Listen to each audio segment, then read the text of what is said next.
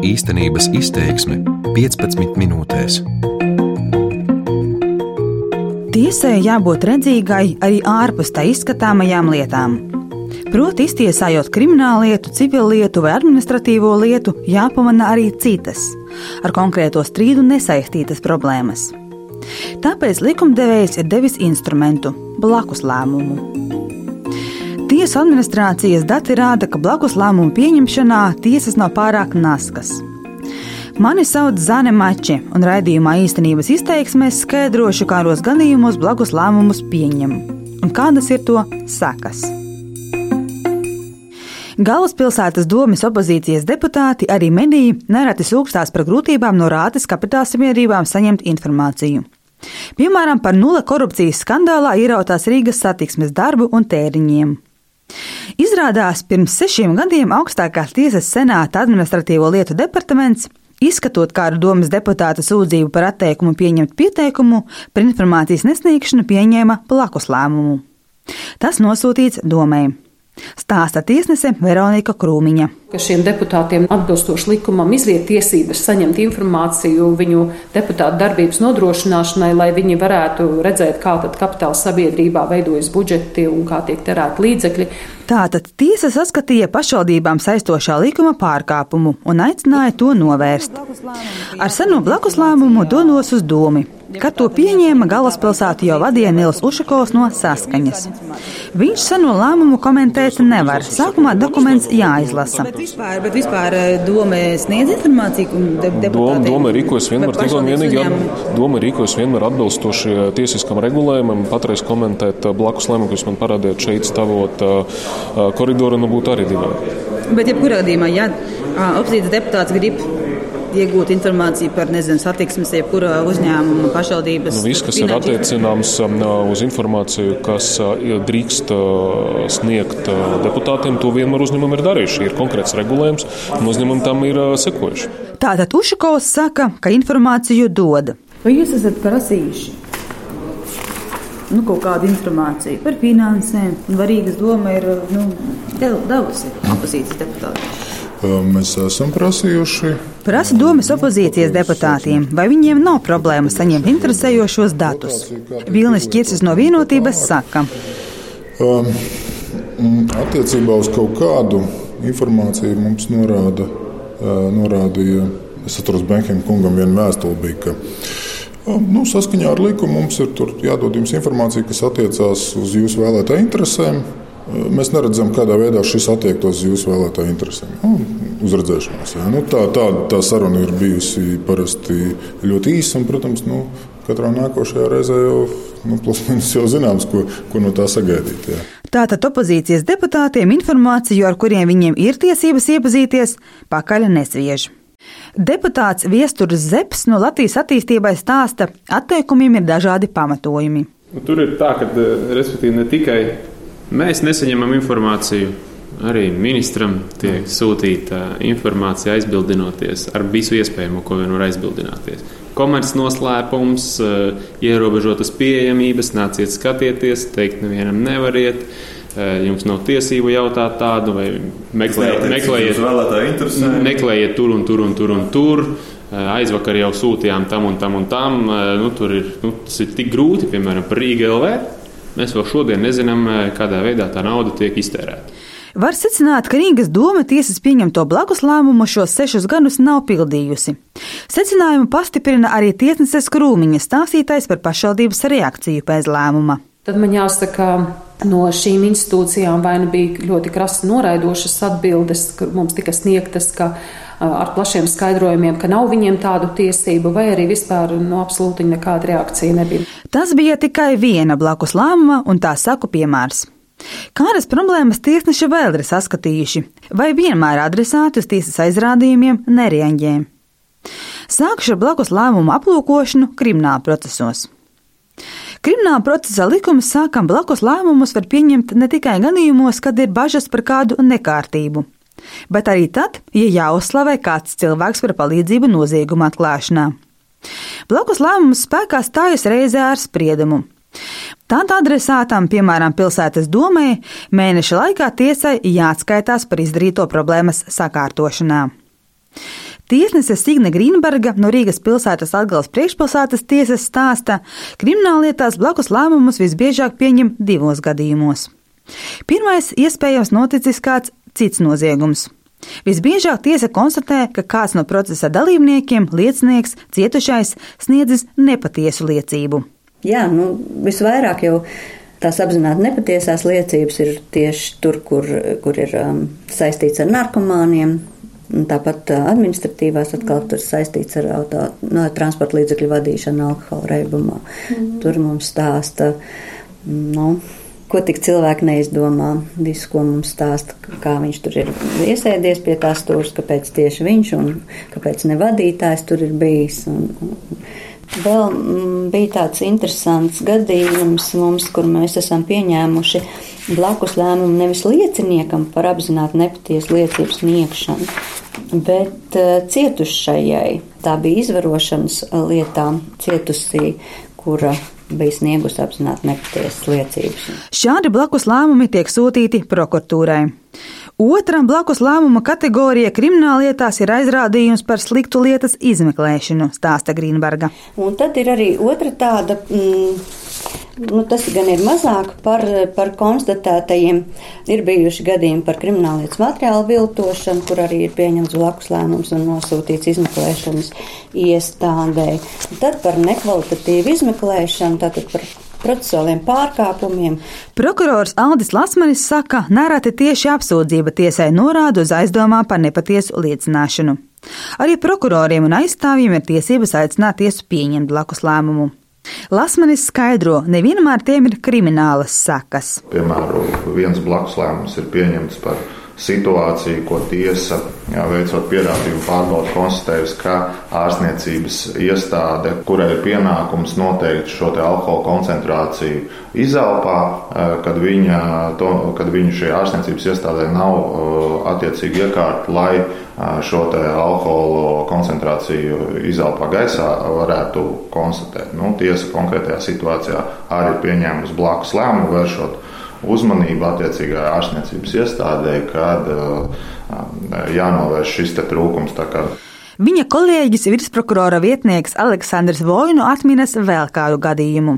Kad es vēl pats tiesās gāju, bija gadījums, kad, um, kad um, tiesa uzrakstīja blakus lēmumu ja nemaldos, ceļu policijai, jo konstatēja, ka iztiesāšanas laikā mm, alkometrs, kurš bija nu, mm, par pamatu šo rādītāju nu, dzērumu šīs pakāpes, to promiļu noņemšanai, nebija verificēts eh, vairāk kā sešus mēnešus. Ministru kabineta noteikumi verifikāciju paredz, tāpēc bija pamats pieņemt blakus lēmumu uz problēmu norādot. Iespējams, šīs darbības nēsamība ierīces ticamību neietekmēja, bet likuma burts nebija izpildīts. Krimināla procesa likumā ļauto uzslavēšanu nec tiesnese, nec prokurori praksē neatminās. Veronika Krūmiņa no augstākās tiesas saka, viņas vadītais administratīvo lietu departaments pastāvēšanas laikā pieņēmis vairāk nekā 50 blakus lēmumus. Gadījumi vēl bez iepriekš pieminētās Rīgas domas atklātības lietas ir dažādi. Piemēram, pērn divi lēmumi nonākuši bāriņtiesā un valsts bērnu tiesību aizsardzības inspekcijā.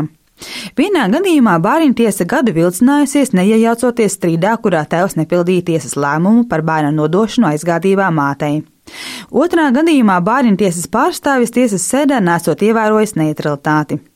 Augstākā tiesa izteikusi bažas arī par budžeta liederīgu izmantošanu.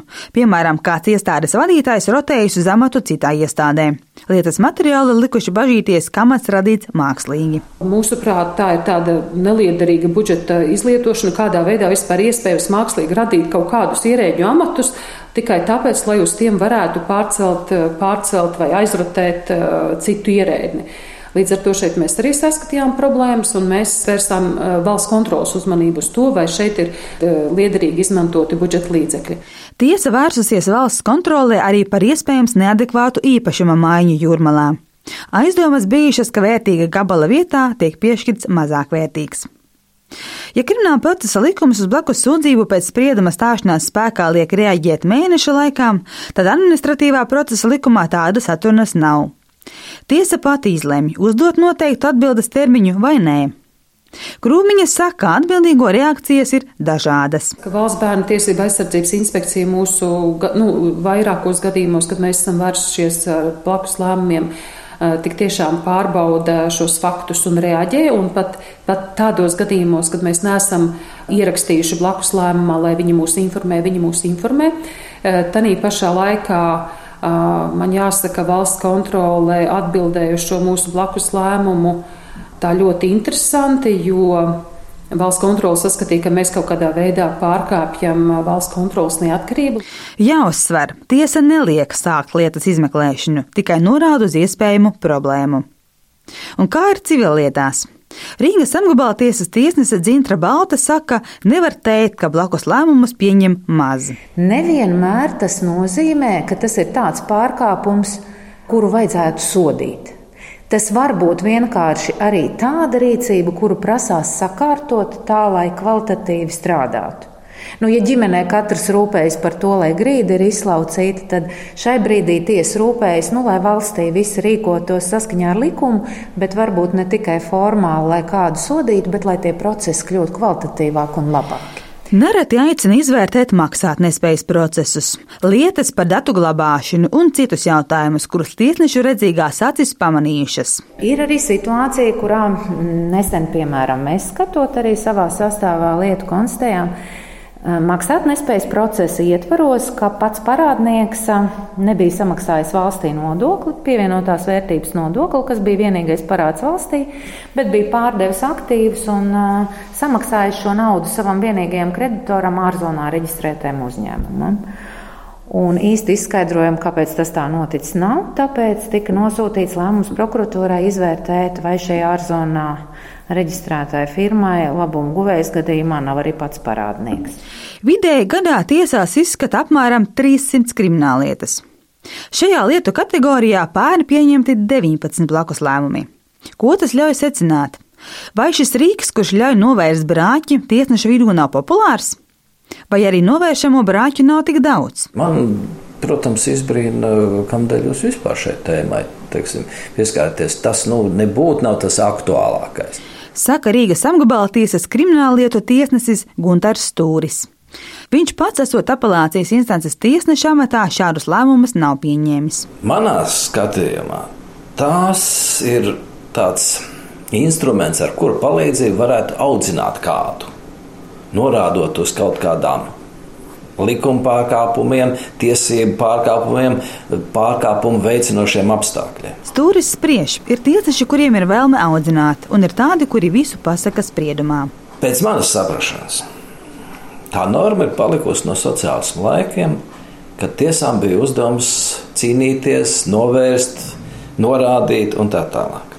Iziešana no izskatāmās lietas robežām krimināllietās tiesnesim uzliek papildus slogu. Un, teiksim, iet ārpus šīs apsūdzības eh, jautājumiem un skaidrot vēl kaut ko, zinot, ka pēc tam tev būs mēnesi jāseko līdzi, kas tad ir noticis, un, un atkal jāskatās, kas, kurš tad tas vainīgais. Tad iedomājieties, kā tiesnesim no savas tiesas ir iespējas redzēt kaut ko citu, kā tikai to, ka viņam nav atsūtīts atpakaļ. Stūra kolēģi citās tiesās uz normu skatās citādāk. Krūmiņa no augstākās tiesas saka, ka tas ir sirdsapziņas vai redzošu acu jautājums.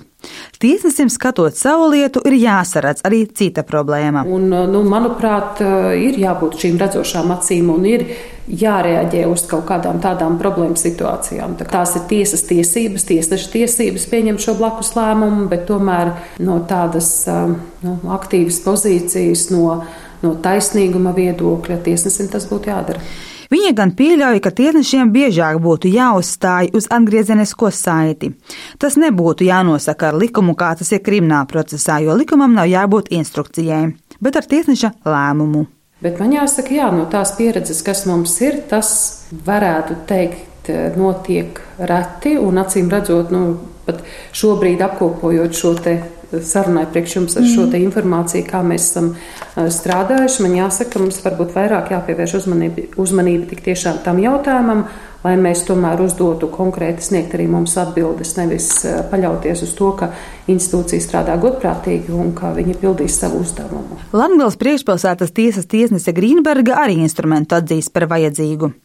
Taču tiesneši savā ziņā vienisprātis ir par to, ka tie ir jautājums par tiesību izmantošanas kultūru. Dzintra Balta no apgabala tiesas saka, ka dažādo blakus lēmumu rakstus rāda, ka tiesneši ir vērīgi bet nevienmēr problēmu vajag risināt ar īpašu iestādēji vai amatpersonai adresētu lēmumu. Tiesa savā spriedumā kaut ko norāda un kaut ko konstatē, ka tā rīcība neatbilst likumam, ir saprotams, būtu pašsaprotami, ka tās institūcijas, uz ko tas attiecas, to ievēro un tālāk arī sakārto. Nesen satversmes tiesa atzina, ka nomas maksa par kapavietas izmantošanu neatbilst pamatlikumam. Taču vēl pirms satversmes tiesas lēmumam augstākā tiesa lemjot jautājumu par sūdzības piekritību tai vai citai tiesai spriedumā norādīja, ka nomas maksas prasīšana nav laba prakse. Pareizi būtu iestādes, uz kurām tas attiecas, reaģētu un kārtība labotu bez īpaša tām adresēta sprieduma. Vēl viens piemērs. Nesen Latvijas radio bija stāsts slepkava brīvsolī par kādu neatklātu slepkavību Salkalnē. Tajā sākotnēji nepatiesi apsūdzēja vīrieti. Rakstot attaisnojošo spriedumu, augstākā tiesa norādīja uz likuma neievērošanu, organizējot aizdomās turamā atpazīšanu. Uz to nebūtu jānorāda ar blakus lēmumu. Pietiktu, ja atbildīgie spriedumu analizētu un to secinātu un ņemtu vērā. Tātad blakus lēmumam nevajadzētu būt vienīgajam audzinātājam. Skolot sabiedrību vajadzētu jau spriedumiem, bet blakus lēmumam vajadzētu būt jau bargākai pātagai. Un to izpildīšanu vajadzētu uzmanīt kārtīgāk. Radījuma īstenības izteiksme veidoja Zana Mače, par labskaņu gādāja Kaspars Groskops.